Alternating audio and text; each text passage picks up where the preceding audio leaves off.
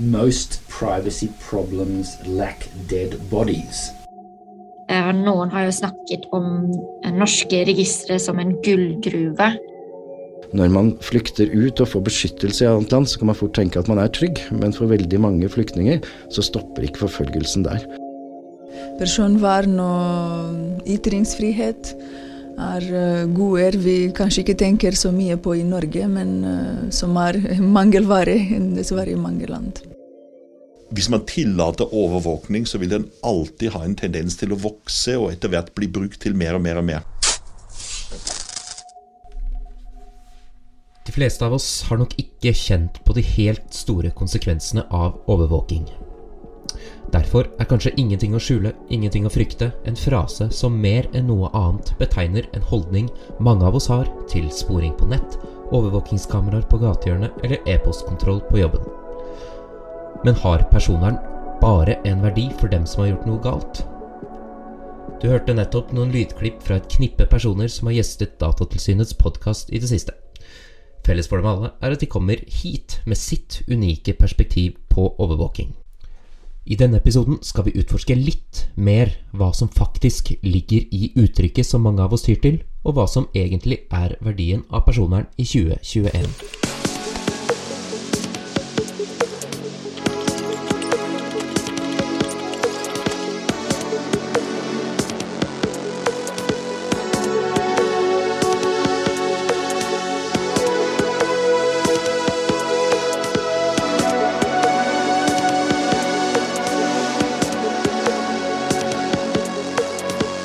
Jeg, tror det brukes av ganske mange. Eh, Jeg kjenner flere i min eh, private omgangskrets som, eh, som tyder dette utsagnet.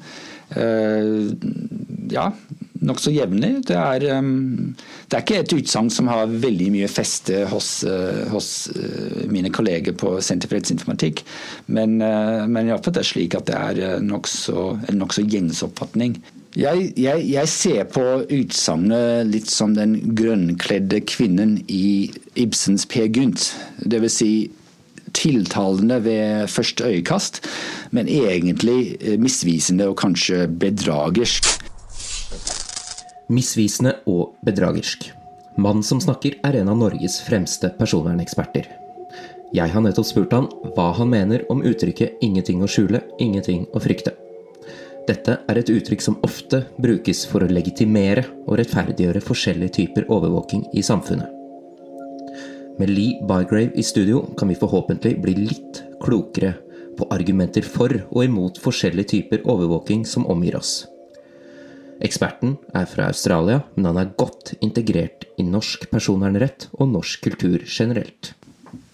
Ja, takk Anders. Jeg er en australsk jurist som opprinnelig kom til Norge for å konkurrere i langrenn på midten av 1980-tallet.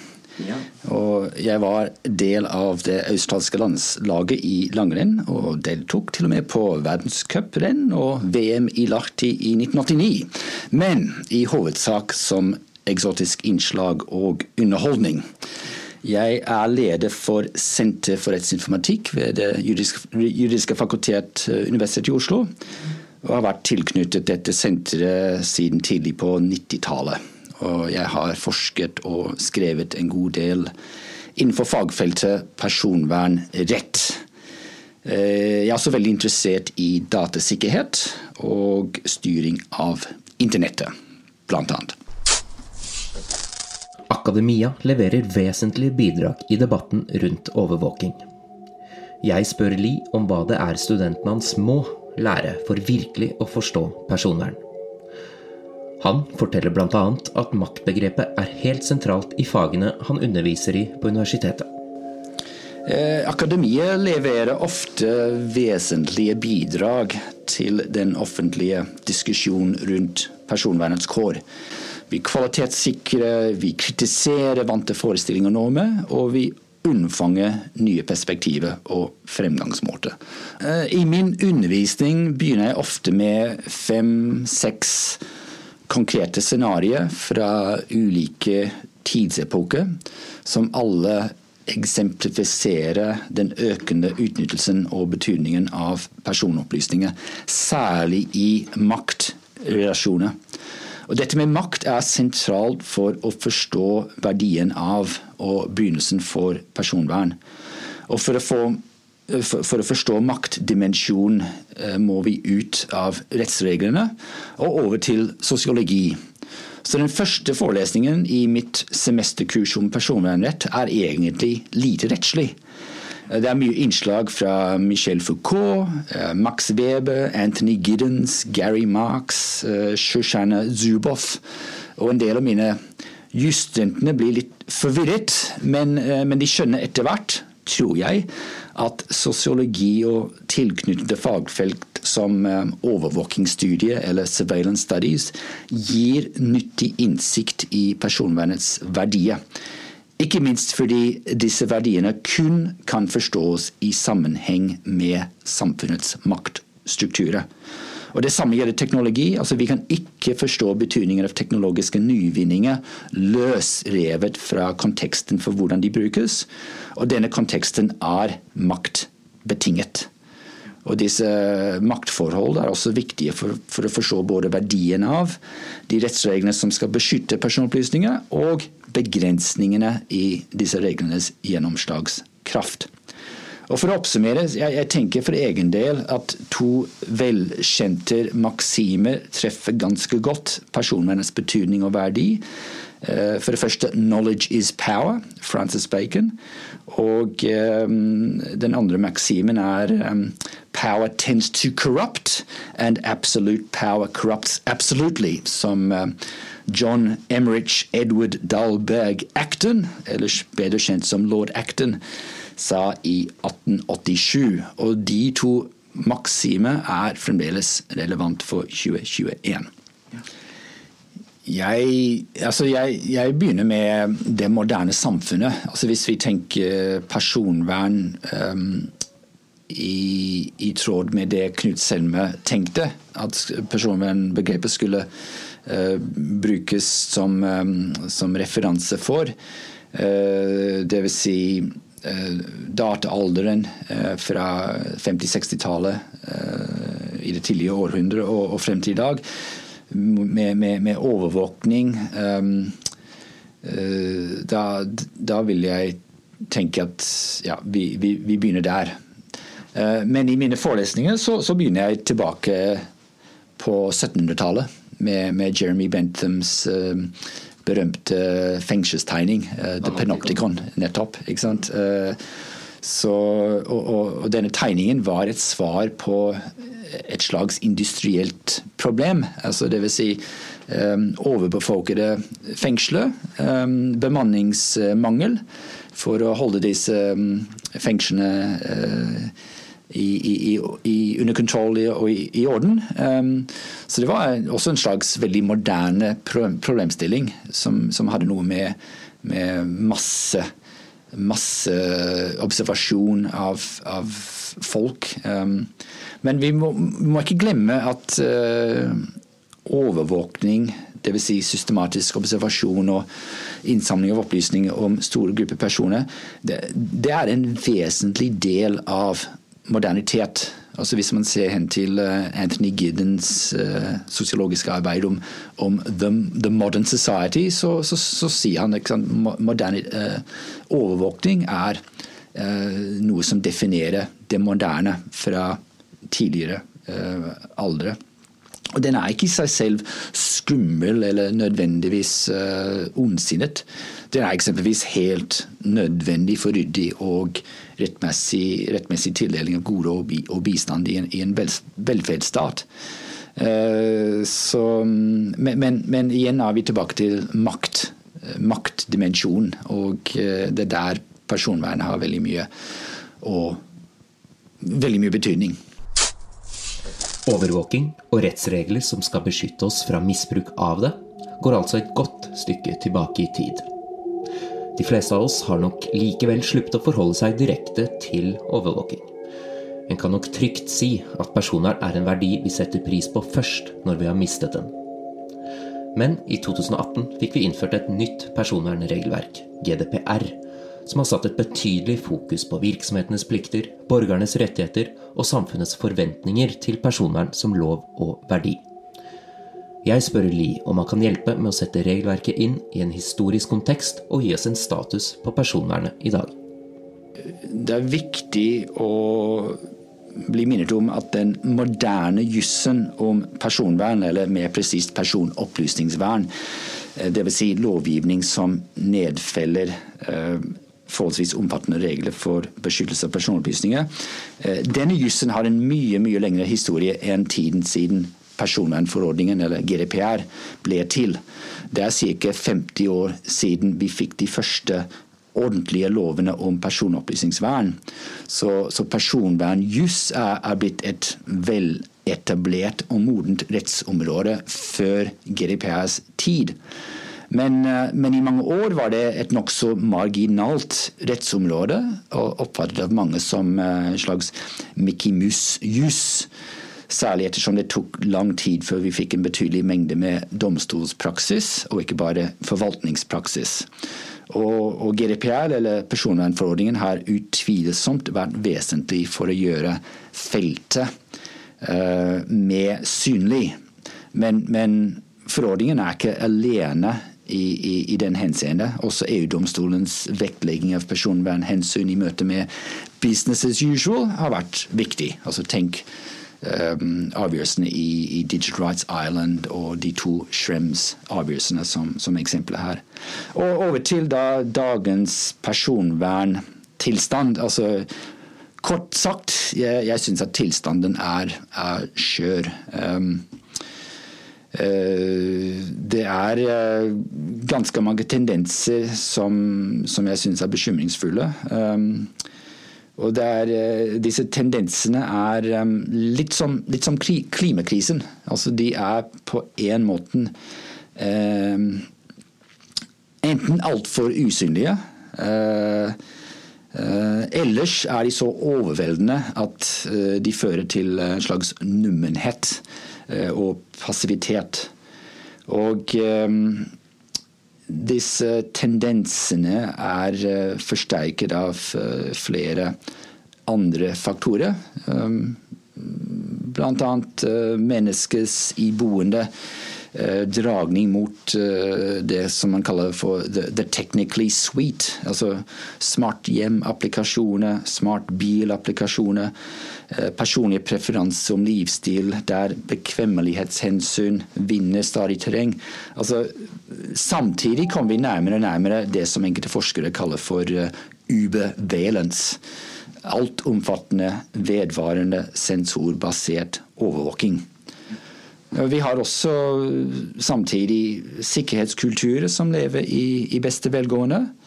Og um, hvis man ser hen til um, det politiske landskapet, så er det uh, ingen politiske partier, eller etablerte politiske partier, som har uh, personvern som, uh, som en sånn naturlig trofast um, del av, av plattformen. og dette har nok sammenheng med allmennhetens manglende personvernengasjement. Men det skyldes også det faktum at personvern er et knipe med interesse som gjør seg gjeldende på tvers av tradisjonelle partigrenser. Uh, Iallfall innen rammen for et liberal-demokratisk politisk system. Lie er ikke alene om å ytre bekymring over tilstanden til personvernet i dag. Men et betimelig spørsmål er hvorfor man skal engasjere seg når de helt store konsekvensene synes å utebli. Ja, altså når du sier at de store konsekvensene synes å utebli, eh, minner meg om et utsagn av den amerikanske juristen og personverneksperten eh, Dan Solov, eh, som skrev tilbake i 2008 Most privacy problems lack dead bodies. Og det han mente var at personvernets gjennomslagskraft svekkes av at det finnes få skrekkeksempler eller skrekkbilder eller kriser som kan danne motvekt mot uh, skrekkbildene av eksempelvis 9-11, uh, 9-11 eller uh, her i Norge 22.07.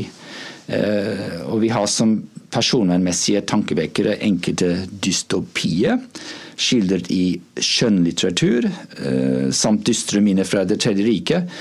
Men og så er det sant, Stalins diktatur uh, og, og, lignende. Men, men det finnes imidlertid lite ellers fra vår nåtidige virkelighet. Og et viktig spørsmål i så måte er hva er dystopien for dagens ungdom?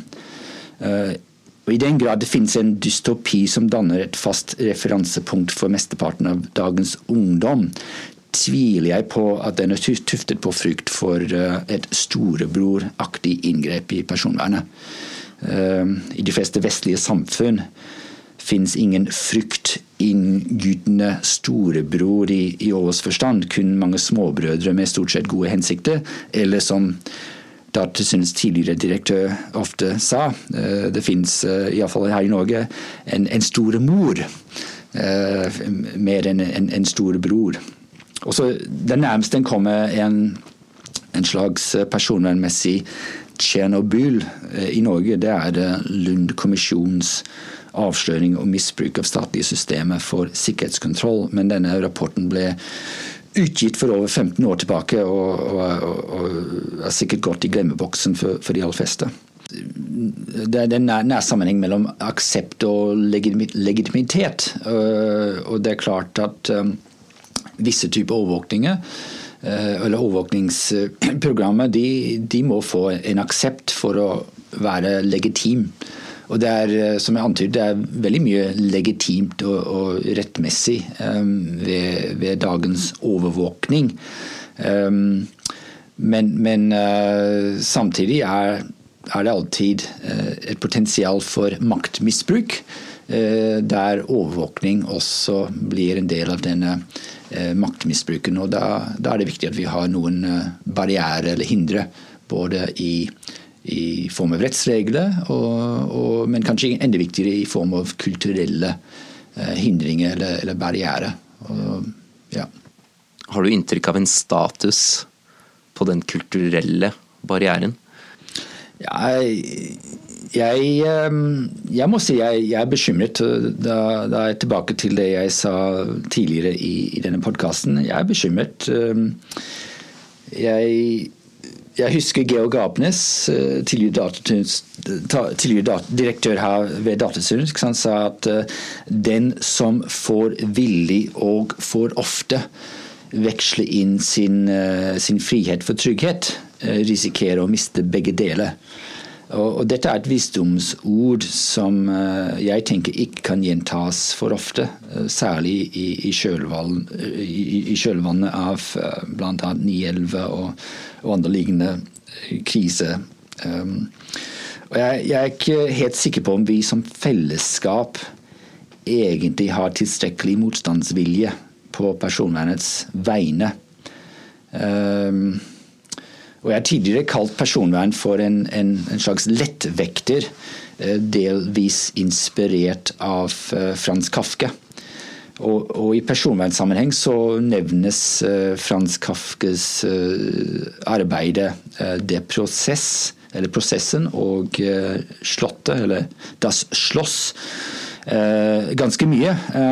Men jeg, jeg, tenker imidlertid det er uh, et annet av Kafkes arbeide som er også veldig viktig, og det er denne novellen 'Ein, ein hunge kunstler'.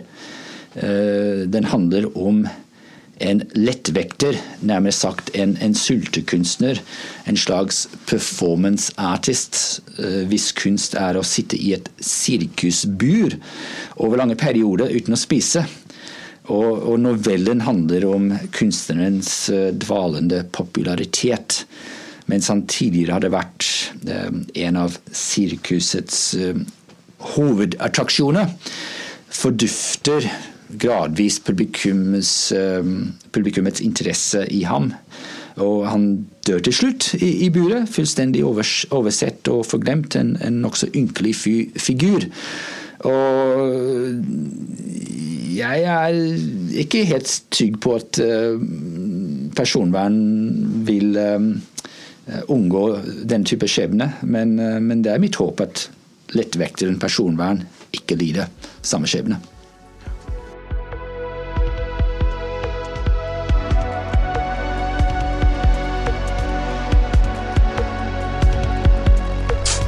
Det går mot slutten av den første episoden av serien vår.